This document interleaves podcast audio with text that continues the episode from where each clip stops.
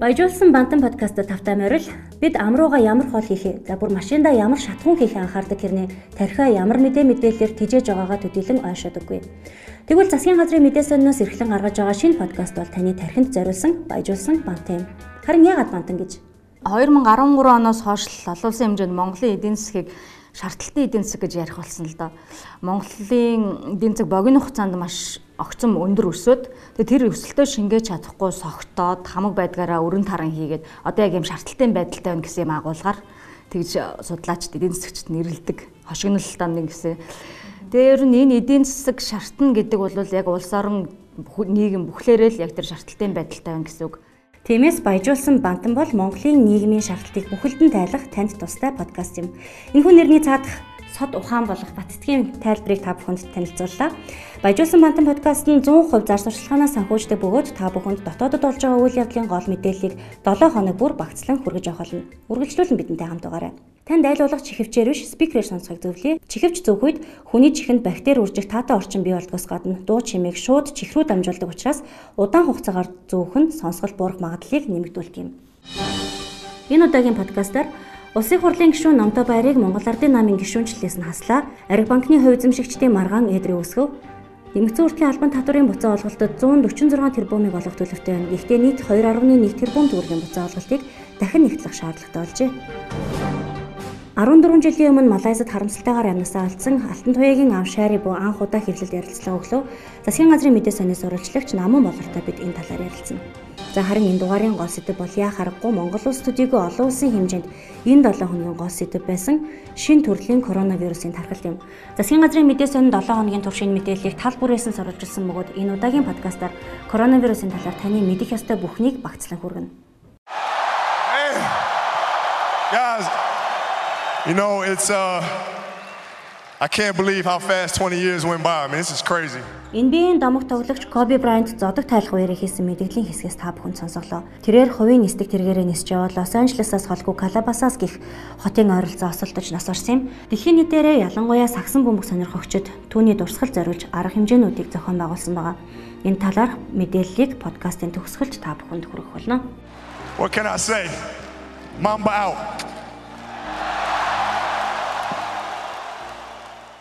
Бүгд найрамдах Хятад ард улсын Ухаан хотод байрлах далайн бүтээгдэхүүний захаас анх тархсан гэх шин төрлийн коронавирус дэлхийн 15 оронд тархаад байна. Одоогоор Монгол улсад батлагдсан тохиолдол байхгүй байгаач нийслэл хотод болон зарим аймагуудад хөл хорой тогтоосон байдалтай байна. Улс төр ерэн сурвалжлах мэдээллийн албаны эдитер Инх Жаргал, эдийн засаг уулуурхай мэдээллийн албаны эдитер Баяр тогтох нар та бүхэнд энэ талаарх мэдээллийг хүргэнэ. Тэгэхээр Инх за юу болов дотоодод нөхцөл байдлыг ямар хөө гадлаар багцлаад өрөхгүй.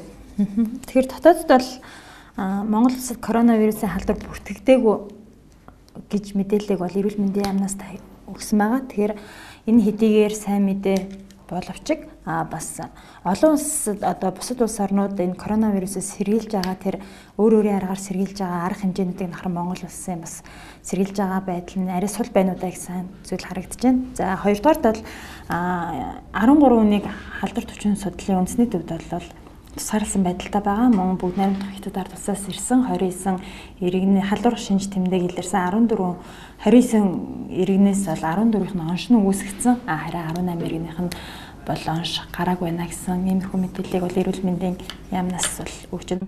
Тэр онш тодорхойгүй иргэдийн онш 24 цагийн дотор тодорхой болоод яг ямар хуу журмаар оншийг тодорхой болгож байгаа юм бол энэ талаар мэдээлэл нь 24 цагийн дотор гэдэг маань болохоор тэр онцлуураараа онцлоод лабораторийн шинжилгээг 24 цагийн дотор гаргана. А дээрэс нь онцлуураар хэрвээ тэр нь за ингэж муугаар жишээ авал лабораторийн шинжилгээгээр эрг гарчлаа. Тэгэнгүүт онцлуураараа үзлээ. Онцлуур дахиад эрг гарах юм бол Японд руу явууллаа. Японы талаас баталгаажуулалт ирэх юм бол яг жинхнээс Монголд ингээд коронавирус байна гэж коронавирус илэрсэн тэтгэх улсаар нэрлэгдэх ийм нөхцөлтэй гэж ойлгоод байгаа шүү. Тэгэхээр тэр 18 жил Тэгэхээр яг 24 цагийн турш 24 цагийн хугацаанд бол юуны өмнө лабораторийн шинжилгээний хариу гарна. Монгол дотооддоо. Аа тэгээд энэний дараа онцлуураар үзэхэд бол онцлуурчин бол хүмүүс ингээд нэг их аппарат юм байх гэж бодоод манай сэтгүүлчд ч гэсэн хэвлэлийн урал дээр анзаарэгдэжсэн. Та нарын аппаратаа тарааж өгөхгүй эндээ ингээ энэ төлөв өрөөндөө хайрцагт өрөн овоолоод хураацсан биш үү? Энийг яарлаа тараахгүй яасан ингээд тэгжсэн. Тэгээд эрүүл мэндийн яамны холбогдох албан тушаалтан болохоор аль хэдийн өсвөттэй халдвар төвчлийн үндэсний төв рүү явчихсан тэр онцлоор аваачаад өгсөн байгаа. Онцлоор гэдгийг та нарын аппарат гэж ойлгоод байна тийм биш ээ. Минийхаар бол бараг л жирэмсний тест шиг юм байна гэж ойлгоод байгаа байхгүй юу. Тухайн хүний дээж ирлээ, тусаад юм уу яа гэм үзлээ, эрэгүү сөргөө гараад ирнэ онцлоор тэгээ нэг хүнд нэг л удаа хэрэглэнэ гэж байгаа шүү дээ. Нэг нэг онцлорыг нэг л дээжин дээр. Аа за тэгэхээр эдийн засгийн хувьд одоо юу гэдэг 2 дугаар сар 1 дугаар сар бол Монгол улсын эдийн засаг ялангуяа үйлчлэгээний салбарын хувьд жижиглэн худалдаа нэлээд идэвхждэг үе шүү дээ. Аа энэ үед хөл хорио тогтоочлоо үйлчлэгээний салбар 17-оос доош насныханд үйлчлэхгүйгээд хэлчлээ. Эдийн засгт ямар байдлаар нөлөөлөх вэ? За манай эдийн засгийг болохоор эдийн засгийн өсөлтийг бол үйлчлэгээний салбар оол урхай а тэр хөдөө аж ахуй гэдэг. А одоогийн хувьд бол малчид бол харьцангуй 50 амгалан байж болж байна бэлчээртэй. А уулуургайхан бол бас яадаг бол манай төсөл юу болох бол таваар анш унж гин. А нөгөө талдаа үйлчлэг юм бол маш их айдас үүстэй. Миний ажлын байр байх болов байхгүй болов гэд. Үүнтэй холбогдуулаад хамгийн одоо энд нэрвдэж байгаа салбарууд бол кино театр үйлчлэгээний үзүүрийн салбарууд байна. Дараад нь кофе шоп гэд. Одоо кино театрт ажилладаг хүмүүс бол ээлж амралтаа авч байна. А кофе шопууд бол оюутнууд голдоо ажиллаулдаг. А тэгээд тэр оюутнуудаа бол эхнээс нь цомгдох 3 сарын 2-наас хойш одоо энэ коронавирусын нөхцөл байдал яаж намжихын тэрний дараа дахиад ажлын байр зарлана. Тэг эргээд одоо ажилдаа эргэж орж болно гэж ярьж байна. Тэгээд эндээс хараад үзэхлээр 2020 оны хувьд бол манай эдийн засгийн өсөлт буурах юм байна. А нөгөө талдаа шин чанартай ажилгүй байдал одоо нэмэгдэх юм байна гэдэг тийм болгоомжтой бол хэдийн бий болцсон байна. А нөгөө талдаа жуулчдын хувьд аваад үзэх юм бол гадаадын жуулчд болон дотоодын одоо жуулчдын урсгал багасах тийм таамагтай байна. Дээр нь олон улсын болон одоо дотоод зохиодох гэсэн томоохон хурал арга хэмжээ одоо хойшлсонд холбогдуулаад зочид буудлууд жишээ нь эхний одоо удирдлагын орлогууд бол бүгд ингээд канселдгэр байгаа. За олон улсын хэмжээнд хэм бол мэдээж Пүрүү гарагийн шүн буюу Монголын цагаар баасан гарагийн Пүрвэс баасан гарагч шилжих шүн дэлхийн эрүүл мэндийн байгууллага онц хурал зарласан байгаа. За онц хурлын дараагаар тус байгууллагын тэргүүн Тедрос Адханом мэдэгдэл хийж дэлхийн хэмжээнд дэлхийн нийтийн онц байдал зарласан гэдгийг бол тайлбарлсан байгаа. За мэдээж одоо сандарсан нөхцөл байдал үүсэхгүй тулд энэ хүү шийдвэрээ бол танилцуулж нэлийн тайлбарлсан. Хятад улсын ухааны вирусын одоо энэ дэгдэлтийг хязгаарлах чиглэлээр авч хэрэгжүүлж байгаа арга хэмжээ бол маш сайн арга хэмжээ дэлхийн нийтэд одоо жишг болох арга хэмжээ авж гинэ гэж үзэж байгаагаа бол хэлсэн. А гэхдээ ялангуяа хөгжил буураа одоо орнуудад халдвар тархахаас сэргийлэхийн тулд ийхүү дэлхийн нийтийн онц байдал зарлж гинэ гэж мэдээлсэн маа. За хамгийн сүүлийн тоо баримтыг аваад үзэх юм бол олон улсын хэмжээнд тодорхой хэмжээгээр одоо өвчлөл авсан хүмүүсийн тоо бол 9800 бараг 100000 төгсөн байна. Нас орсон хүмүүсийн тоо бол дөнгөж пүрүү гарагт 170 байсан бол дахин 40 гаруйгаар нэмэгдэж 213 болсон байна. За бүх тохиолдолд хятад улсад байгаа нийт өвчлөлийн 99 орчим бас хятад улсад байгаа гэдэг мэдээллийг өгж байгаа. За улс орнууд бол мэдээж үүнтэй холбоотойгоор урьдчилан сэргийлэх харах хэмжээнүүдээ улам бүр чангатгасаар байна. За тодруулах юм бол одоо Хятад улс Хятад улсад Америкийн нэгдсэн улс мэрэгжилтнүүдээ илгээж инхүү вирусын тархацтай тэмцэхэд дэмжлэг үзүүлэхэд бэлэн байгаа гэдгийг бол илэрхийлсэн байгаа. За эмчилгээтэй холбоотой шинэ мэдээлэл хүргэх юм бол Австралийн эрдэмтэн өвчтний вирусээс дээж авч шинэ коронавирусыг ургуулж авснаа зарласан. Ингэснээр одоо вирустай тэмцэх шаардлагатай мэдээллийг олон улсад хуваалцгаа бол онцолсон байгаа. За вакцин гаргаж авахд бол ойролцоогоор 6-аас 12 сарын хугацаа шаардлагатай гэж мэдээлж байгаа. За 9800 гаруй хүн өвчлсөн гэж байна. Үүнтэй зэрэгцээ 100 гаруй хүн тодорхой хэмжээгээр эмчилэгдэж эмнэлгийн одоо хяналтнаас гарсан байгаа. Гэхдээ яг ямар эмчилгээний үүнд 100% үр дүнтэй байж чадах вэ гэдэг мэдээлэл бол одоо хэрэн тодорхойгүй. Вакцин бол ойролцоогоор 6-аас 12 сарын дараа гарна гэсэн ийм мэдээлэл байгаа. За дэлхийн нийтийн онц байдал гэж юу юм бэ гэдэг дээр Юуны өмнө харьцангуй одоо буураа хөгжилтэй халдварыг өөрсдийн хүчээр хязгаарлаж чадхааргүй тэдгээр орнуудад өвчин газар авахаас сэргийлэх гол зорилготой ийм арга хэмжээ байгаа. Өмнө нь Zika, Ebola зэрэг вирусын гаралтын үеэр бас ийм арга хэмжээг дэлхийн эрүүл мэндийн байгууллагын зүгээс бол зарлж исэн. За тодорхой хэмжээгээр иргэдийн зорчих хөдөлгөөнийг хязгаарлана. А гэхдээ бараа бүтээгдэхүүн болон одоо олон улсын худалдаанд ямар нэгэн хязгаарлалт тавихыг бол шаардахгүй гэсэн мэдээллийг бол ноён Тедрос Адханом Гибрейсус гэж хүн буюу дэлхийн эрүүл мэндийн байгууллагын тэргүүн бол өгсөн байгаа. За шаардлагатай тохиолдолд бас дэлхийн эрүүл мэндийн байгууллагын зүгээс халдварыг хязгаарлах хэмжээлгийг эрчимжүүлэх зорилгоор нэмэлт хөрөнгө босгох ийм нөхцөл байдал бол ийхүү үүсэж байгаа юм байна. Аа тэгээд яг сэрэмжлүүлэх талаас бол бас нэлээд зөвлөгөөнүүдийг энэ 7 хоногт манай сонин бас Facebook хуудасаараа дамжуулаад өгсөн байгаа. Аа тэдгээр маань юу вэ гэхээр коронавирус нь халуунд тэсвэргүй 65 Цельсийн 65 градусаас илүү халуунд бол 30-аас дээш минут байж чаддгүй.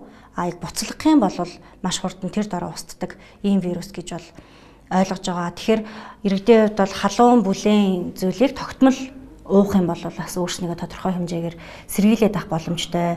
За мөн 20 Цельсийн 23 градусаас дээш хүүтэнд бол бас тэсвэргүй А дээрэс нь хуурай орчинд харьцангуй төсвөргүй гэсэн ийм мэдээллүүдийг бол бид нар вирусын талаар өгч чадхаар байна. Тэгэхээр эдгийн орчин орчныг бас бүрдүүлж чадах юм бол иргэд маань өөрснийгөө тодорхой хэмжээгээр вирусыг сэргийлж чадах нэ гэж а компаниудын хувьд бас тодорхой хэмжээгээр мэдээлэл гаргасан байгаа. Apple компани вирусын гаралтаас шалтгаалаад орлого нь буурч магадгүй гэдгийг зарласан анхны хувийн хвшлийн компани болсон юм байна. А ер нь бол яг маск зүүж байгаатай холбоотой нөгөө нүүр таних технологи ашигладаг хүмүүс бас нэлээд хүндрэлтэй байгаа. Миний хувьд бол яг энэ технологийн нэг сул тал нэм гэж ойлгоо да. Ягаад тэгэхээр нүрээ танилж уцаа онгойлохын тулд маска заавал авах хэрэгтэй болоод идэг те. Тэгэхээр өөрийгөө нөгөө сэргийлж чадахгүй. А тэгээ Apple компанийн хувьд бол хятадаас бас зарим бүтээгдэхүүнүүдэд татаж магадгүй гэсэн ийм мэдээллүүдийг бол аль биесаар зарласан байна яг тэр нүүр таних технологиор ингээд маск авах мөчөд хэрвээ халдварлсан байвал цаад компани хариуцлага үлээх үгүй юу гэдэг асуудал хэн судлах вэ? Бас тодорхой тий байж болох асуудал байна. Энийг бас манай олон улсын сэтгүүлчнэр тодруулж өгөх вэ л үү тийм ээ. За коронавирустай холбоотой мэдээлэл хүргэхэд юм байна. Энэ 7 хоногийн нийгмийн анхаарал татсан бусад гол мэдээний таймыг та бүхэнд хүргэе. Нийгмийн даатгалын ерөнхий газраас тэтгэвэр авахчдад хандаж анхааруулга гаргаад байна. Нийгмийн даатгалын сангаас олох тэтгэврэн санхүүжилт дуусах авч амжихгүй байх зэрэг эрсдэлгүй сар бүрийн ажлын эхний өдөр тэтгэвэр авахчийн үйлчлүүлдэг банкны харилцах дансан шилждэг учраас дэлхийд дахинд тархаад буй халдвар төвчин коронавирусээс сэргийлэх үтнээс тэтгэвэр авахчид ахмадуудаа аль болох зайнаас банкны үйлчлэлээ авахыг зөвлөсөн байна. Тухайлх юм бол тэтгэвэр олох эхний өдөр банкнд очиж дараалал үүсгэхгүй байх, картаар үйлчлэгээ авах, мөн зайлшгүй очиж авах шаардлагатай нөхцөлд заавал амны хаалт хэрэглэхийг тусгаалan сануулжээ. Уушигны хатгалгааны улмаас Монгол улсад жилд 400 гаруй хүн насарж байгаа тухай эрүүл мэндийн яам мэдээллээ. Тодорхойлбол 2019 оны статистик мэдээллээр уушигны хатгалгаагаар 78141 хүн хэвтэн эмчлүүлж 431 хүн насарсан байна.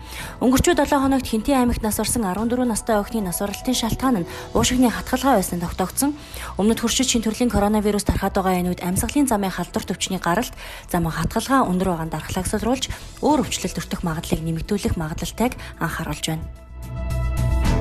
2019 онд улсын төсөвт 4.5 их найд төгрөг төлөвлөрүүлсний 24%-ийг нь нэмэгдсэн өртгийн албан татварын орлого эзэлснийг татварын ерөнхий газар мэдээллээ. Мөн одоогор 911707 иргэнд 146.1 тэрбум төгрөгийг буцаан олгох тооцоо гарчээ. Харин 996 иргэний буцаан олголтыг хянаж байна. Хуульд заасан шаардлагыг хангаагүй иргэдийн буцаан олголт цуцлагдана гэж мэдээлсэн байна. Эх 7 хоногийн даваа гараг гэхэд эцсийн байдлаар шалгалт дуусгах төлөвтэй байна. Засгийн газрын мэдээ сонин нь Монголын анхны мультимедиа сонин та хэвлэмэл болон цахим хэлбэрээр манай сониныг унших боломжтой. Мөн Facebook, Twitter, LinkedIn, Instagram зэрэг бүхий сошиал сувгуудаар тухайн сонирхлын бүлгийн хэрэгцээг хангах мэдээллийг бид түгээдэг байгаа. Подкастын тайлбар хэсэгт сошиал хуудасуудад хандах холбоосыг байршуулж өгсөн байгаа. 14 жилийн өмнө Малайзад харамсалтайгаар амнасаа алдсан Алтан туяа агсны аав анх удаа хэвлэлд нээлттэй ярилцлаа. Түүний хүсэж буй цорын ганц зүйл нь шудраг яс бөгөөд Малайзийн засгийн газрыг уучлал гуйхыг л хүсдэг болохоо засгийн газрын мэдээ сонинд ярьсан юм. Наман болрын талаарх мэдээллийг дараагийн хэсэгт өгүүлнэ.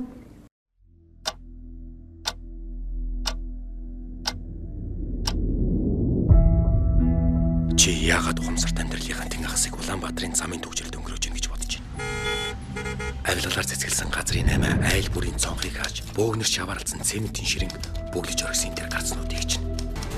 Төрийн төлөө хот шиг чадахгүй дуурч төв шудраг эрхэм байж төгсгөлгүй асууж шаардаж төлсөн татвар төрийн албан хаагч хянахгүй юм бол төсвийн мөнгө ёолтгүй юм. Чи бол авилгатай тэмцэх газар. Яг одоо 110 руу залга. Ягштал мөт шалга мэдээл.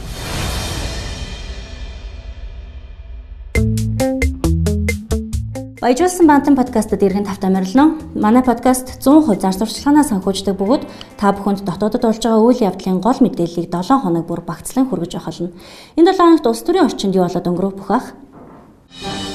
Пүрэв горигт усаг хурлын чуулган Номтой хоёрын бүр эрхийг төлөвлөзүүлэх шийдвэрийг хэлсэн л дээ. Тэгээд ерөнхий прокурорын хүсэлтийг олонх нь дэмжсэн боловч тэрийг батлахтаа улсын хурлын тогтоолыг болгож батлахтаа гişүүд унгаачихсан. Тэгээ эндээс ямар байдал үүссэн бэ гэхээр улсын хурлын гişүүд Номтой хоёрыг төтгөлзүүлсэн тэр нь албажаагүй гэсэн ийм шийдвэр гаргасан. Тэрийг үүнээс шалтгаалаад Монгол Ардын намын бүлэгний хуралдах завсарлага аваад 2 цагийн завсарлага аваад хуралдах байсан боловч тэр хооронд нь Номтой хоёр гişүн өөрөө хэвлэлийн урал зарлаад улсын хурлын гишүүнээс өөрөө чөлөөлөх хүсэлтэд өгөө гэдэг тийм мэдээллийг хийсэн.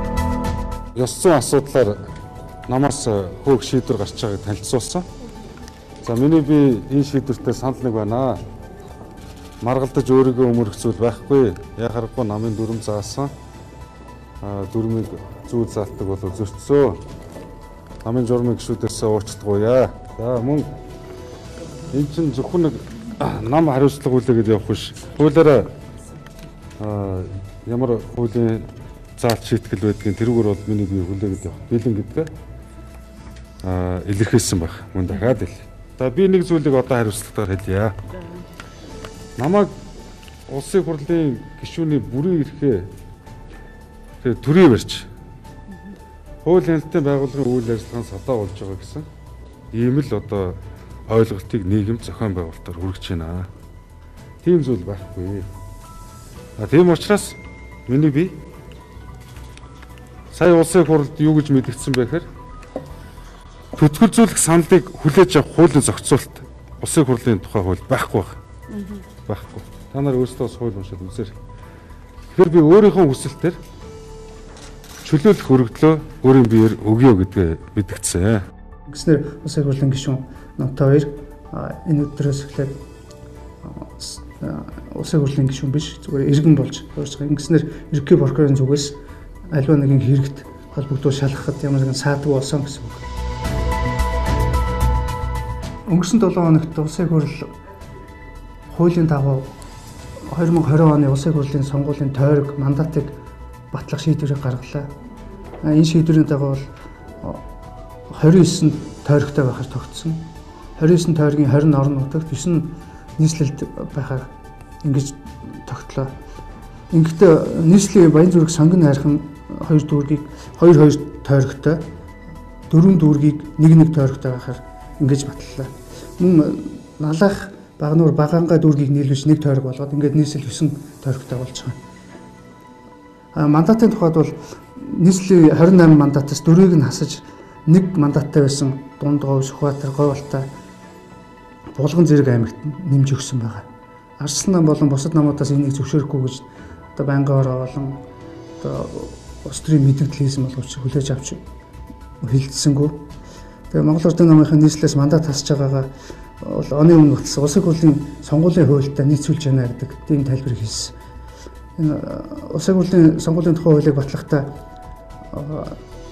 улсын хурлын сонгуулийг олон мандаттай тойрогт явуулна гэж баталсан байна. Тэгэхээр нэг мандаттай байсан аймагуудыг заавал хоёр болгох шаардлагатай болж байгаа. Тий.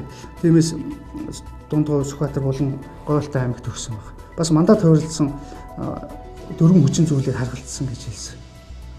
Тэр нь болохоор хүн амын тоо, засаг захиргааны нэгжийн хуваарлалт, газар нутгийн хэмжээ, байршил гэсэн дөрвөн зүйлийг 25 25 хувиар нь харгалзаж мандатаа хуваарлсан гэж тэгэд тайлбарлаж байгаа. Тэгэхээр эх оны сонгуул бол сонгуулиар аймагуудаас 20 52 гишүүн, нийслэлээс 24 гишүүн сонгогдоор болж байна. Шинэ коронавирус халдвараас эргэл хүүсэн нөхцөл байдалтай холбогдож улсын онцгой комисс хоёр дахь удаага хурлаа. Энэ хурлаар бол хэд хэдэн ажлыг хийхээр төлөвлөсөн байлээ л дээ. Эхэнд нь бол хурлаар нөхцөл байдлыг цагтах батн онцгой байдлын комиссд мэдээлж авах үүрэгтэй дэд ажлын хэсгийг эрүүл мэндийн сайд саран гэрлэлээр ахлуулж байгуулсан байна. Тэр ажлын хэсэг болохоор үүсэж байгаа нөхцөл байдалтай холбогдуулж ямар арга хэмжээ авах, ямар зардал хөрөнгө мөнгө хэрэгтэй байгааг онцгой байдал байнга танилцуулж авахар болсон. Дараа нь эрүүл мэндийн байгууллагын зөвлөснөр бусад орны жишгийн дагуу хяналтад байгаа тусгаарлах шаардлагатай иргэдийг эмнэлэгт биш тусгай байранд байрлуулахаар бас энийг бол одоо эрүүл мэндийн яам бас хариуцж хийхээр бас тийм нөхцөл болцоо байгаа гэж тооцсон. Аа бас манай улсад дэлхийн эрүүл мэндийн байгууллагаас хийсэн эрсдлийн үнэлгээгээ 3 удаа хийхэд эхний удаад нь дунд дараагийн удаад нь дундаас дээш эрсдэлтэй гэж хэлсэн. Харин сүүлийн үнэлгээгээр өндөр эрсдэлтэй гэсэн төгөлд гарсан учраас энэ халдвараас сэргийлэх нэг чиглэлээр халдвар тархсан тохиолдолд ажиллах гэсэн ийм хоёр чиглэлээр төлөө гаргаад ажиллаж байгааг эрүүл мэндийн сайд саран гэрэл мэдээлсэн байгаа. Агаас улсын онцгой комиссаас гаргасан гол шийдвэр бол цагаан сарыг яаж тэмдэглэх вэ гэдэгтэй холбоотой байсан. Тэр нь одоо төрийн болон албан байгууллага бүх шатны төрийн байгууллагууд бас нутгийн зөвлөлийн зорголт хийхийг хязгаарлаж байгаа. Ийм шийдвэр гаргасан зөвхөн цагаан сарыг гэрүүлийн хүрээнд ах дүүстэйгээ цомхон байдлаар хийх ийм шийдвэрийг гаргасан. Мөн цагаан сар зориулсан хүч түүхийн барилдаа нэг зохион байгуулахгүй гэдгийг албан ёсоор мэдээлээ. Улс төр нийгэм ерөн сурвалжлах мэдээллийн албаны сэтгүүлч Батбүх та бүхэнд улс төрийн орчин дөрвөн гол мэдээллийг таймлан танилцууллаа. 2006 онд Малайзад бусдын гарт хэрцгийгээр хорлогдсон амнасаа алдсан Шарибуугийн алтан туяагийн хэрэг одоо хэрэн шийдэгдэг байна. Харин өнгөрсөн жилээс Монгол улсын төрөлцгийн төвшөнд иргэнийхээ амнасаа алдсан асуудалд анхаарал хандуулж хэлснээр Малайзийн талаас ч тодорхой дэмжлэг авах боломжтой болоод байна. Талигчин аав Шарибуу гоотой засгийн газрын мэдээс өнөн ярилцаж 14 жилийн турш түүний сэтгэл богшож ирсэн гомдол, хууль шүүхийн асуудал ямар шатандаа байгаа талаар сонссон. Тэгэхээр намна 14 жилийн турш охиныхоо амь насыг нэхэн Монгол, Малайзийн шүүхээр явсан хүн шүү дээ. Тэгэхээр түүнтэй ярилцж хахад чамд яг ямар сэтгэл төрж байв энэ талаар? Алтан туяагийн хэрэгээр хэргийн тухай хэвлэлүүд бол юу гэдгийг за Малайз улсад ямар нэгэн мэдээлэл гарлаач гэдэг юм уу эсвэл шүүхрэлтэй холбоотой үйл ажиллагаа гарах үед бол мэдээлэлдэг. А гэхдээ бусад үед ингээл орхидог, мартдаг. А гэтэл энэ хэргийн үйл ажиллагаа өнөө хүртэл үргэлжлэлээ явагдаж байгаа. Асуудууд нь байсаарлага мэдээж хэрэг төрсөн үрээ бусдын гарт. А дээрэс нь маш харгас хэрцгийгээр алдсан эцэг хүний хувьд бол хизээч энэ зүйлийг мартахгүй. А эхлээд надад хамгийн түрүүнд сүрсэн сэтгэгдэл бол би тэр хүнийг маш их өрөвдөг гэхээсээ илүү бахархсан тэр хүнээр а хоёрдугаарт өрөвдөх шантрах би оронд нь байсан бол өөр оронд нь хин нэгэн байсан бол шантрах байсан болов гэх тэр зүйл бол төрсөн а 3 дугаар тэр хүн зөвхөн энэ хэргийн хэмжээнд биш улс орны харилцааны хэмжээнд олон улсын бодлогын түвшинд хууль эрхцэн хүрээнд маш өргөн мэдээллийг цуглуулад зөвхөн жирээний иргэн үр хүүхдийнхээ хойноос тэмцээд ямар их зүйл хийж бүтээж болох юм бэ гэдгийг харуулж чаджээ хийж чаджээ л гэж харсан та. Зүгээр одоо юу гэдгийг хүүхдийн амь насны хойноос явж байгаа аав гэхээс илүүтэй хүний эрхийн төлөө тэмцэгч гэж чи тодорхойлсон байсан шүү дээ тий. Энэ хэрэг бол зөвхөн одоо юу гэдгийг ямар нэг гемт бүлэглэл хин нэгний амныг хөнөөч гэсэн хэрэг биш. Хоёр улсын засгийн газар хоорондын а томоохон 8-ны асуудал яригдж байгаа. За дээрэс нь манай ус болоод Малайз улсын дипломат харилцааны асуудал яригдж байгаа. Тэгэхээр энэ эдгээр юу гэдгийг Малайз улс болоод манай улсын хоёр улсын хоорондын харилцааг сэвтүүлэхгүйгээр энэ асуудлыг яаж шийдэх ёстой юм бэ? За энэ дэр Малайз улсад байгаа манай улсын иргэд дахиад ямар байдлаар эрхээ хамгаалуулах ёстой юм бэ? Малайз улсад амьдарч байгаа монголчууд өнөөдөр ямар байдалтай байгаа юм? Малайзд очиод хүний 8-нд өртчихсөн, за биеийн үнэлдэг, хар тамхины хэрэгд өртчихсөн маш олон хүмүүсийн асуудлыг бас хөндөж гараад ирсэн. За шаарап буугаад өнгөрсөн 14 жилийн хугацаанд маш олон хүн яг энэ асуудлаар хандаж зөвлөгөө авч байсан. Энэ чиглэлээр ажиллах төрийн бас байгууллага байгуулах гэж байгаа гэсэн мэт баха. Аа тийм. Тэгээд хүүтэйгээ хамтраад за талигачийн ач талигачийн хүү буюу өрхөө зээ хүүтэй хамтраад төрийн бас байгууллага байгуулахаар шийдсэн байгаа юм байлээ. Аа одоогор бол бэлтгэл ажил нь явагдаж байгаа.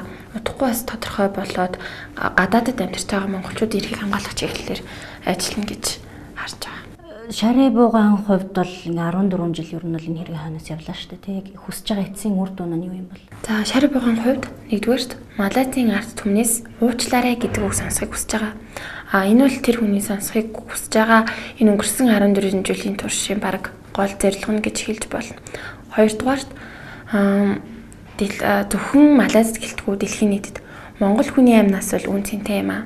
Монгол хүнээр оролдох хэрэггүй юм аа. Монгол хүн эх орондоо үн цэнтэй байдаг. Эх орн нь иргэнийхээ амийг нэхэж чаддаг юм шүү гэдгийг харуулах бол энэ хүний зорилго хэрэгээс одоо хүлээж байгаа 14 жилийн турш тэмцээд байгаа гол зорилго нь энэ гэж хэлж байна.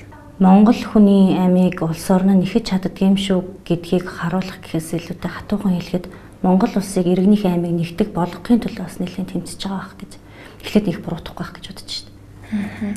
Тэгэж хэлж бол болно. Яг хатуухан хэлж байгаа. Тийм бодит байдал тийм биш. Энэ бол яг бодит байна. Аа хэрэг одоо ямар шатнд аа? За одоогийн байдлаар бол эрүүгийн хэрэг бол мөрдөн байцаалтын шатанд. За иргэний иргэн ажиллагаа бас шинээр нэхэмжил гаргах гээд явж байгаа.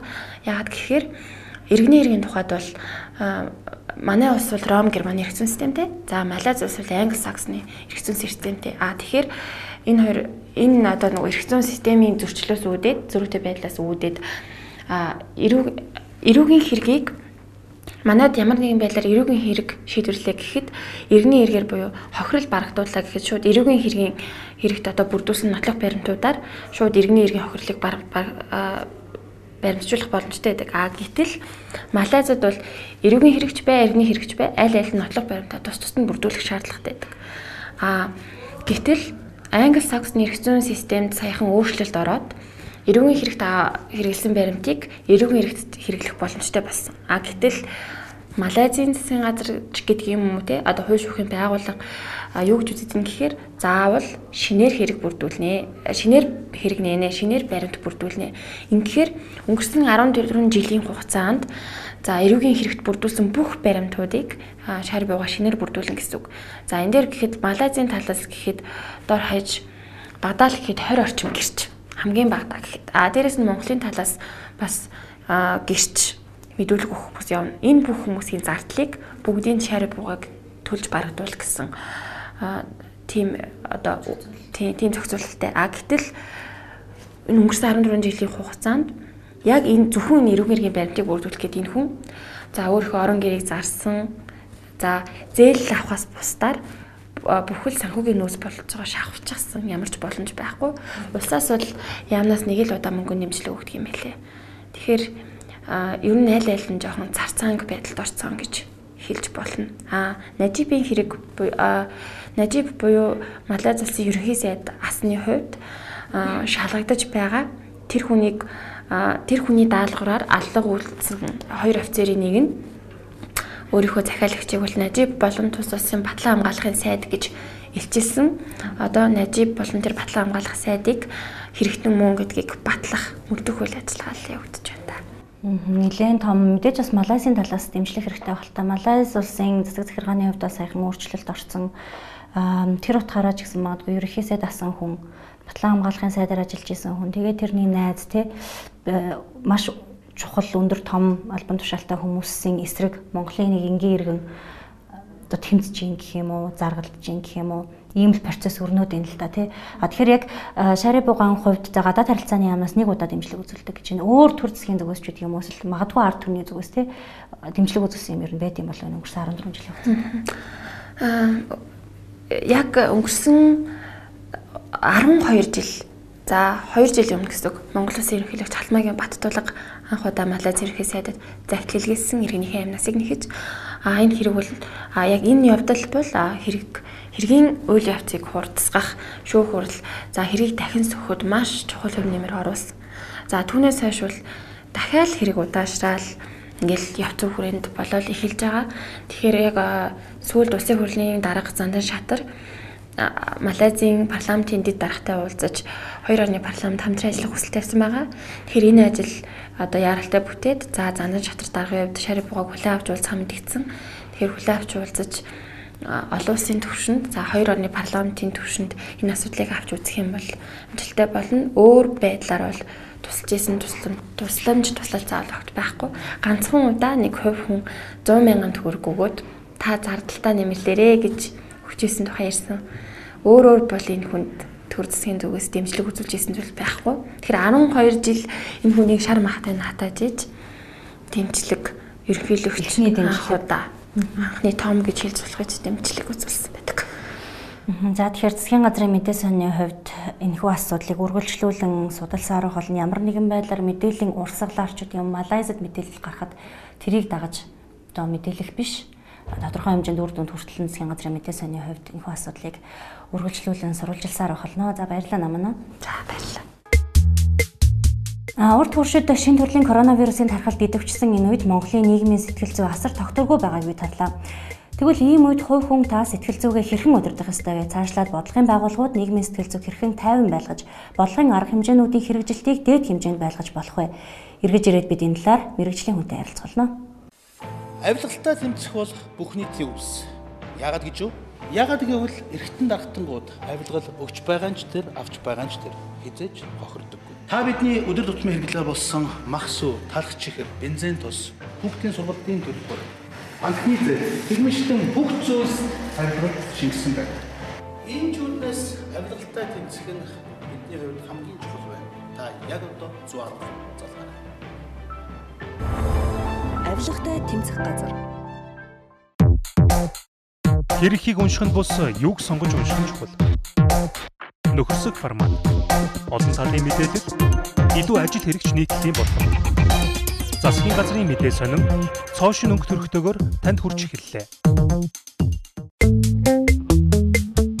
Подкаст дээр эргэн тавтаа морилно. За эдийн засгийн хувьд анхааралгүй өнгөрч болохгүй зарим мэдээллийг та бүхэнд хүргэе. Эдийн засгийн бодлого өрсөлдөх чадварын судалгааны төвөөс 8 дахь жилдээ аймагуудын өрсөлдөх чадварыг ирэмбэлж олон нийтэд зарласан 2019 оны ээлжид тайлангаар аймагуудыг Орхон, Өмнө говь, Дорн говь нийт оноогоор тэргүүлж Булган аймаг сүүл мушглаа. 2019 онд 8 аймгийн өрсөлдөх чадвар сайжирч 12 аймгийнх буурсан. Хамгийн их өөрчлөлт гарсан аймагуд нь Дорн говь, Ховд болон Дорнод аймагуд байлаа. Монголын ипотекийн корпорацийн мэдээснээр орон сууцны худалдан авалтаар орон нутагт Дорн говь, Орхон, Дархан уул аймагт хамгийн өндөр байна. Эдгээр аймагуд өрсөлдөх чадварын оноогоор улсын хэмжээнд тэргүүлж байгаа. Судалгаанаас харахад аймагуудын өрсөлдөх чадварын дундаж оноо жилээс жил өсөх хандлагатай байгаа. 2012-оос 2019 онд нэрлсэн дүнгээр аймагуудын дотоодын нийт бүтээгдэхүүний нийт хэмжээ 2.5 дахин нэмэгдсэн байна. Банкны системийн 1.3%-ийг эзэлдэг Ариг банкны үйл ажиллагаа хэвийн үргэлжилж байна. Тус банкны төлбөр түргэн гүйцэтгэх чадвар болон өөрийн хөрөнгийн үзүүлэлт Төв банкны зохистой харилцааны шалгуурыг хангаж байгааж хэдий тийм ч Ариг банкны дотоод засаглал алдагдаж төлөөлөл удирдах зөвлөл ээлж турлаа хийж чадахгүй байх хэмжээнд хүрсэн байна. Энэ нь хувь нийлүүлэгчдийн хооронд үссэн удаан хугацааны турш үргэлжилсэн маргааны улмаас бий болжээ. Тиймээс Монгол банкны ерөнхийлөгчийн тушаалаар харилцагч хадгаламж эзэмшигчдийн хөрөнгийг хамгаалах үүднээс банкны тухай хуульд заасны дагуу нөхцөлт удирдлагын арга хэмжээг хэрэгжүүлэх болсноо мэдгдсэн юм. Тодруулах юм бол Төв банкны ерөнхийлөгчийн тушаалаар өгөгдсөн үүрэг даалгаврыг биелүүлээгүй. Маргаантай асуудлаа цаг алдалгүй шийдвэрлэж чадахгүй. Улмаар төлөөлөл удирдах зөвлөл эрх зүйн чадамжгүй болсон тул энхүү дээрх хөлбөрт шилжсэн байна. Төв банкны бүрэн эрхт төлөөлөгч нь Ариг банкны үйл ажиллагааг хүлээж авснаар үйл ажиллагаа нь хэвийн үргэлжлэх болсныг Монгол банкнаас мэдээлсэн юм. Ариг банк нөлөө бүхий 2% нийлүүлэгчтэй бөгөөд нэг нь 39, нөгөө нь 61% эзэмшдэг байна. Зэсийн ханш сүүлийн 11 арилжаа дараалан унлаа. Лондоны биржийн 5 гарагийн арилжааны явцад үнэ нь 1.1 хувиар бурч 5641 Америк доллар хүрсэн байна. Энэ удаагийнх сүүлийн 30 гаруй жилийн хугацаанд хамгийн урт үргэлжилсэн уналт болж байна. Коронавирусын тархалтаас шалтгаалаад зэсийн үн унж байгаа бол аюулгүй хөрөнгө оруулалт гэж нэрлэгддэг алтны үн эсрэгээр өсөж байна. Алтны спот нь 2019 оны туршид 18 хувиар өссөн бол 2020 он гарснаас хойш даруй 3.4 хувиар нэмэгдсэн үзүүлэлттэй байна. Эдийн засгийн гол мэдээллүүдийг тоомлон хүргэлээ. Засгийн газрын мэдээсээ нөө уншигчдаа сэтгэл зүйн болон хүргээд баггүй хугацаа өнгөрч байгаа. Ингийн иргэдийн өдөр тутмын амьдралд тулгардаг асуудлуудад хэрхэн оновчтой хандаж сэтгэл зүйн эрүүл мэндийг хамгаалах, цаашлаад гэр бүл, ажил хэргийн харилцаагаа аварч гарахтай холбоотой уншигчдаас ирсэн асуултуудад мэрэгжлийн сэтгэл зүйчдийн тусламжтайгаар бид хариулдаг байгаа. Энэ удаад нийгмийн сэтгэл санаа тогтворгүй байгаа үед Үүнийг хэрхэн удирдах тухай бид пүрэв гаргийнхаа дугаард онцолсон. Энэ талаар ангаах ухааны доктор сэтгэл засалж эмч жаргалаас дахин зөвлөгөө авах гэж байна. Танд энэ өдрийн мэндийг хүргэе. Баярлалаа. Та бүхэнд бас энэ өдрийн мэндийг хүргэе. Баярлалаа. Тэгэхээр нийгмийн сэтгэл зүй, сэтгэл санааны нөхцөл байдал ерөнхийдөө тогтворгүй байгаа юм нөхцөл байдал эдгээр өдрүүдэд ажиглагдаж штэ. Таны хувьд энэ нөхцөл байдлыг юутай холбож тайлбарлах вэ? Аа тэгэхээр ер нь бол за манад бол олон олон хүчин зүйлтэй холбоотой гэж бас бодож болж байна. Тэгэхээр нөгөө бид нар нэг талаас боловсралтай бас холбоотой нэг авч үзье гэж бодож байна л да. Ягаад тэгэхээр а одоо юм гамшигын тийм ээ ямарваа нэгэн урьдчилан зэрэг тааж болшгүй ийм нөхцөлд манай ард иргэд одоо урьдчилан ямар одоо арга хэмжээ авах ёстой вэ гэдгийг бүр багаасаа энэ боловсрал нь нийлд суулгаж өгөхөтэй бас холбоотой болов. Жишээлбэл одоо Японд сайхан л том цунами болоход ард иргэд нь За хүнсэндээ ямар одоо нөөцийг бий болгох вэ тийм ээ хэд хоногийн өмнөөс яаж одоо энэ аюулыг даван туулах вэ гэх мэт бүр ингээд нөгөө арга хэмжээнүүдийг ингээд цаг үе шаттайгаа аваа явчихж байгаа. Тэгэхээр нөгөө нийгмийн сэтгэл зүй харьцангуй яах нь бэлэн байна гэсэн үг. За жишээлбэл далай дээр одоо суурилсан улс орнууд болонгууд бүр багаас нь 3 настайгаас нэхлэх хүүхдийг усанд одоо сэлүүхлэх ийм зүйлүүдийг бүр багаас нь сургачж байна. Тэгэхээр манайхан болохоор ийм гамшигын эсвэл ийм халдварт өвчний дэгдэлтэй холбоотой асуудлууд дээр бэлэн биш байдагтай холбоотой юм ойлголтууд одоо сандрал тийм ээ гарч ирж нэг талаасаа болцшгүй. За хоёрдугаар толонгод таны өөрөө чинь сая хэлжсэн нөгөө хуухны сэтгэл зүйн байдлаас нь нөлөөлж байна. Сүүлийн үед магадгүй ажил дээрээ, амьдрал дээрээ, өөр бусад зүйлүүд дээр жоохон стресстэй байгаа хүмүүс бол ийм мэдээлэлд илүү их айдас, сэтгэл түгшилтээр хариу урал үзүүлэх магадлал айгүй өндөр байдаг. Нөгөө талаасаа одоо ингэ мэдээллийн урсгалыг харахаар аль бие усны мэдээлэлээр бол Монгол улсад коронавирусын батлагдсан тохиолдол илрээгүй байгаад байдаг. А яг масс маань энэ дээр яаж хандаад нэглэр илэрсэн л гэж тараа гэдэг ч юм уу. Тэ нэг юм харын сэтгэлээр мэдээлэл танаад ах шиг байна. Энийг тавьд олбож тайлбарлаа. Тэгэхээр бид нар нөгөө нэг мэдээлэлд хуу хүн бас өөрөө юм цензуртай байдаг. Үнэн бодит мэдээлэлээр тулгуурлаж одоо задлан шинжилгээ, дүр шинжилгээ их чадвар жоохон бас бага байна уу да тийм ээ.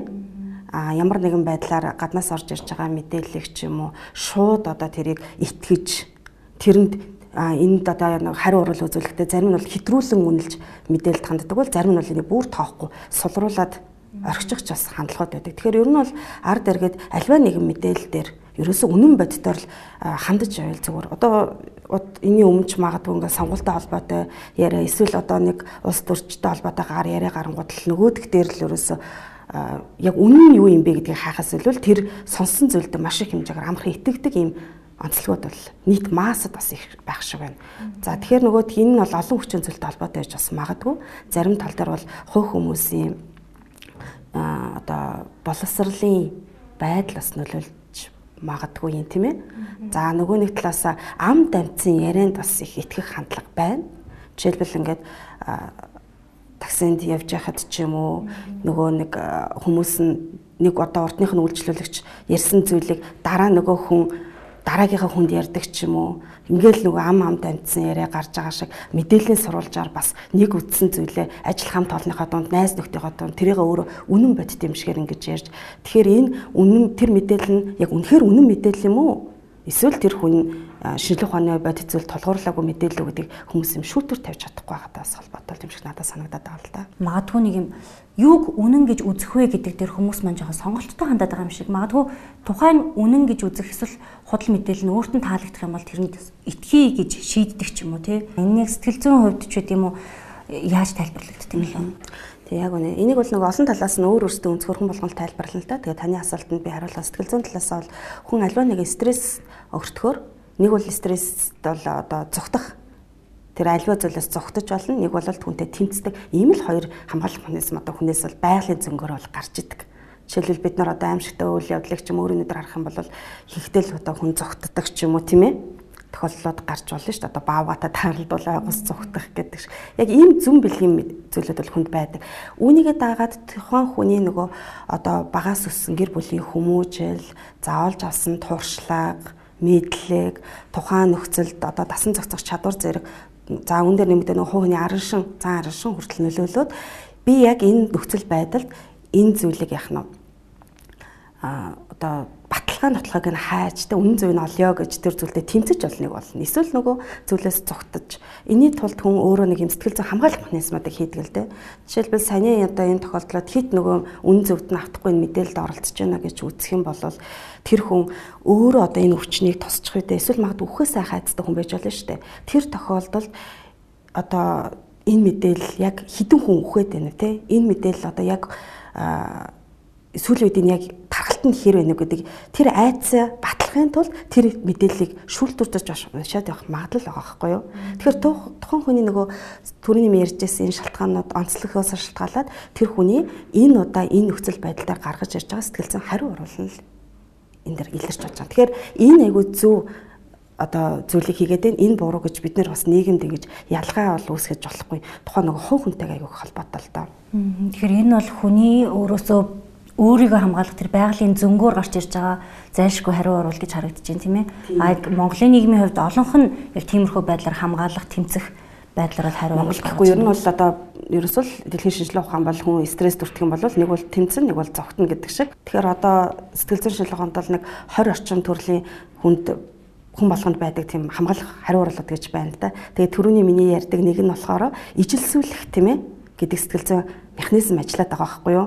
Одоо тэр мэдээлэл дотор нөгөө өхлөөсөө хайцтай хүн байсан бол энэ одоо ер нь яг надад энэ тусаад ирэх болов эсвэл би одоо магадгүй энэ өвчин надад яг тохиолдох болов гэж нөгөө мэдээлэл дотроос тэрийг нь илүү шүүлтүрдэж авч байгаа. Аа тэгтэл өөрөө зүгээр ер нь бол сэтгэл зүйн доктортой үнэн бодит мэдээлэлээр толгуурлаад нэг айцтай хүн биш бол за за бодит юм юу ах нь миний дархлаа илүү сайн байна. Би ер нь айх одоо надад асуудал байхгүй сүүлийн үед бол би одоо нойр хоолндоо их сайн байгаа тийм ээ. Энэ зөвлөмжийг дагавал миний эрүүл мэнд сайн байгаа гэсэн хүнд бол тэр мэдээлэлд нэг автахгүй. Хэвийн ажиллал амьдрал амьдрал өөрийнхөө өдөр тутмынхаа хуучин ийдэг байсан зүйлүүдэд өргөлүүлээд хийх боломжтой байхгүй юу? Тэгэхээр манай Монголын хувьд одоо нийгэм ерөнхийдөө энэ стресстэй байгаа суурин дээр энэ мэдээлэлд одоо юу гэдгийг айх хамгаалах байдлаар илүүтэй бас хариу урал үзүүлж штэ. Ийм үед одоо хувь хүн маань мэдээллийг яаж хандвал илүү зөв байдгийг сэтгэл санааны хувьд яавал илүү тогтвортой байх боломжтой вэ? Энд дээр та зөвлөж. За эхлээд болонгууд юуны төрөнд энгийн зөвлөгөөнөөс жоохон хүндрээд явчих нарийсч олон л доо. Жишээлбэл энгийн үед гэх юм бол айл болохоор тийм нэг мэдээллийн тийм ээ одоо тэр сөрөг тал руу нэг автахгүй. За найз нөхөд одоо хамт олноороо суугаад байж лаа гэж бодоход айл болохоор яг нь тэр мэдээлэлээс бас жоохон өөрийгөө ангижруулах энэний оронд юу хийж болох вэ гэхээр тийм ээ өөрийнхөө хуучин дуртай сонирхолтой хамгийн их хийх хүсдэг зүйлүүдээ хийж болно. Өөр найзуудтай гоё сайхан зүйлүүдийг ярилцаж болно. За гэр бүлийнхэнтэй цагийг хөвгчлөлтөө өнгөрөөж болно. Магадгүй та сүүлийн үед стресстэй бухимдалтай байгавал стресс тайлах маш олон аргуудыг яг нэг хэрэгжилж болно. Гэртээ тайвшруулах, хөгжим сонсох. Эсвэл одоо бол фитнесийн төвүүдийг бол зөвшөөрч ш тийм ээ. Йога, фитнест бол явж болно. Гэх мэтчлэн маш олон энгийн аргуудаар А хэрвээ та энэ айдас танд одоогоор энийг хийгээд үр дүн өгөхгүй нөгөө айдас сэтгэл төвшөлт улам гүнзгийрээд байх юм бол та мэрэгжлийн сэтгэл засалж сэтгцэн хэмжээд хандаж зөвлөгөө авах хэрэгтэй. Ягаад би нэг онцолж хэлж байгаа нөхөр урд нь нөгөө SARS H1N1-ийн одоо вирусын халдвар гарсны дараа бас тодорхой хэсэг хүмүүст энэ мэдээлэл нь хүчтэйгээр сэтгэл зүйд нь нөлөөлөөд Тэгээд сэтгэлийн шалтгаан, стрессийн шалтгаантай сэтгцэн эмгэгүүд бас нилээдгүй их хуваар нэмэгдэх хандлага ажиглагдчихсэн. Тийм учраас бид нар өнөөдөр энэ дэр цаг үедээ тохирсон зөв одоо мэдээллийг бол хүргэх заашгүй шаардлагатай юм л да. Тэр өмнөх өвчин гаралтуудын үед бас тийм зүйл анзаардаг. Энэ Монголд олон улсын хэмжээнд. Ер нь бол дэлхийн хэмжээнд а тэгтэл нөгөө миний түрүүний яриад байсан өөрөө альва нэгэн зүйлд их имзэг мэдрэмтгий сэтгэл зүйтэй хүн биш үү? Одоо айцтай тийм ээ сэтгэл түгшилттэй хүн бол тэр мэдээллийг сонсонгуудаа тэрэнд яах нь одоо яг нөгөө энэ өвчин надад тусчих үү гэдэг энгийн жирийн ханиадны шинж тэмдгийг ч юм уу хэтрүүлэн үнэлээд энээсээ болоод нөгөө хүний дархлын систем чинь буураад эхлэн штэ. Стресс дархлаатай холбоотой учраас. Тэгэнгүүтээ нөгөө хүн эмнэлэгт очиж эмчит үзүүлэнгүүт магадгүй мэдээж нэг ханиадны төстэй жоохон өндөр одоо баг зэргийн халууралт энэ төр бол та магадгүй энэ вирусын халдвараас өрцөн ч ож магадгүй үгүй ч ож магадгүй гэдэг нэг юм тодорхойгүй зүйлийг мэдээллийг амгуудаа би яг энэ өвчнөр тусцсан байх гингүүтээ маш их хэмжээгээр цохисгүй буруу эмчилгээ хийлэгдэг ч юм уу одоо антибиотик эмчилгээг хэтрүүлэн хэрэглэдэг тийм ээ. Өөр бусад эмүүдийг шаардлагагүй нөхцөлд хэрэглэснээс болоод өөрөө биеийнхээ дархлааг буцаагаад муутгачих ийм тохиолдлууд бас ажиглагдчихсэн. Тэгэхээр ер нь бол альва нэгэн эмгэг өвчин чинь бие махбодын өвчин нөгөө талаас сэтгцийн өвчин гэж ингэж хэдийгээр эмчнэр хоёр хуваадаг ч гэсэн үүний цаана бие махбодын өвчин өөрөө сэтгэл санааны хямралыг үүсгэж болно. Сэтгэл санааны хямрал нь биеийн өвчнийг ч бас яах нь үүсгэж болдог. Ерөөсөө нийгэмний хоёр тал байдаг байхгүй юу? Ер нь стресстэй байх нь дархлаа бууруулдаг гэдэг утгаараа манай сонирхс аль болох гэгээлэг эерэг мэдээллийг эдгээр өдрүүдэд уншигчтай хүргэхийг зорж байгаа.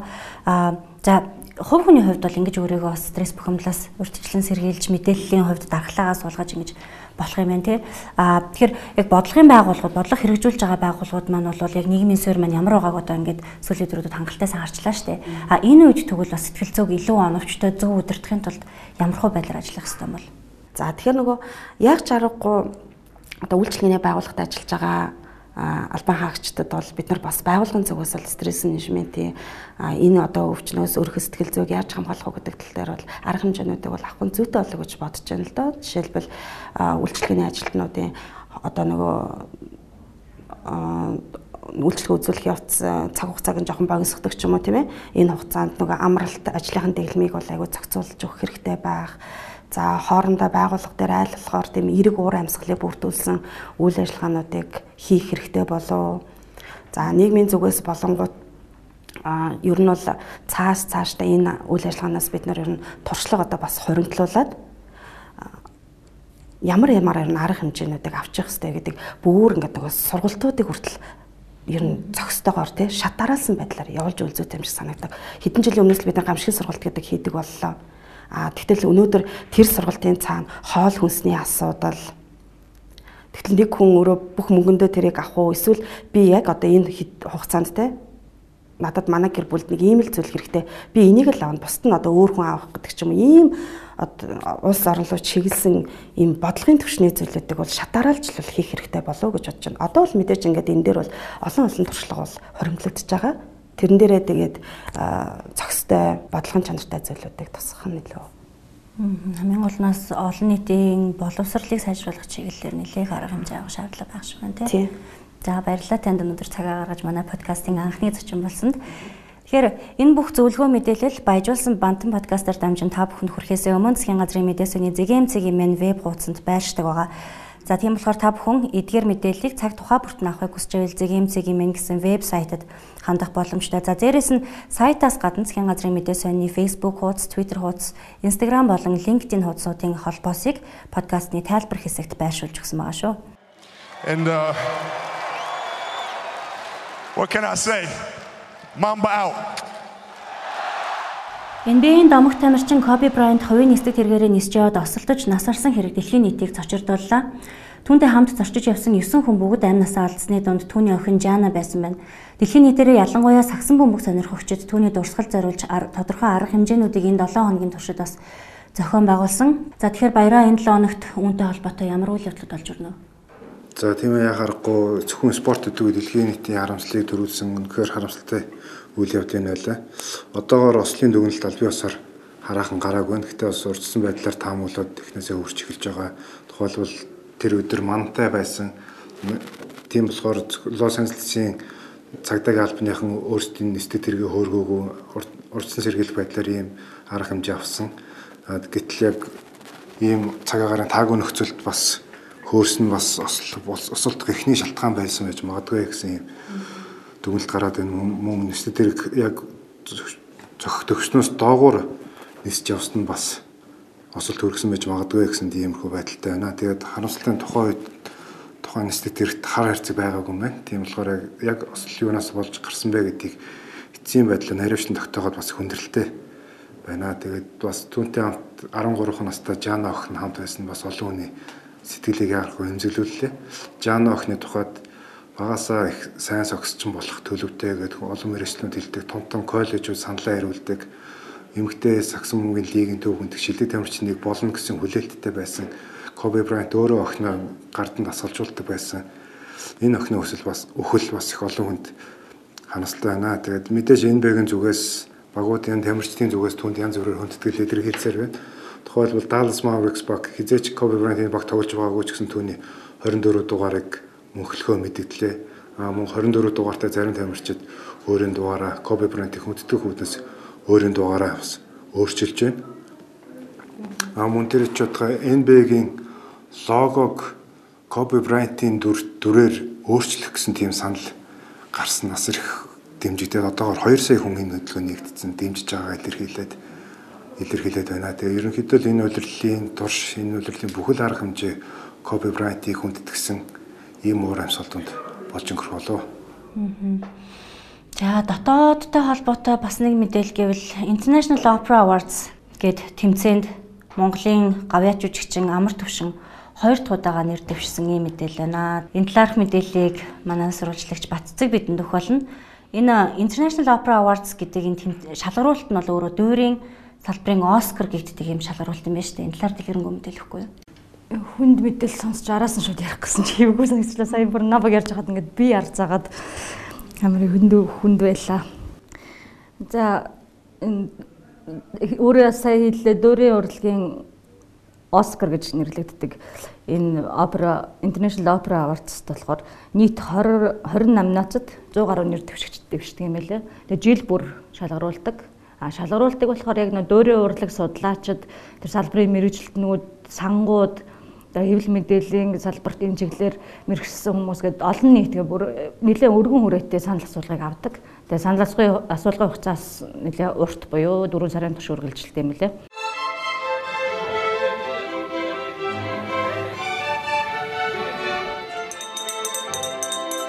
Welcome to the International Opera Awards. Амар түвшингийн хувьд бол анх удаага биш хоёр дахь удаага дэвшиж байгаа. Гэхдээ шилдэг дуучин номинацтай бол анх удаага л да. Өмнө нь болохоор 2018 онд энэ Opera Awards-ийн залуу дуучин гэдэг номинацт дэвшиж исэн. Гэхдээ тэр онд бол авч чадаагүй. Ирландийн эмэгтэй сопрано дуучин тэр шагналыг авч исэн юм билээ. Дэлхийн нийтээр амар төвшнийг бол дөөр урлаг сонирхогчд бол анддаггүй болсон бах. Дөөрийн шилдэг 5 дуучны нэг гэж бас нэг нэрлсэнийг бас харж илаа л да.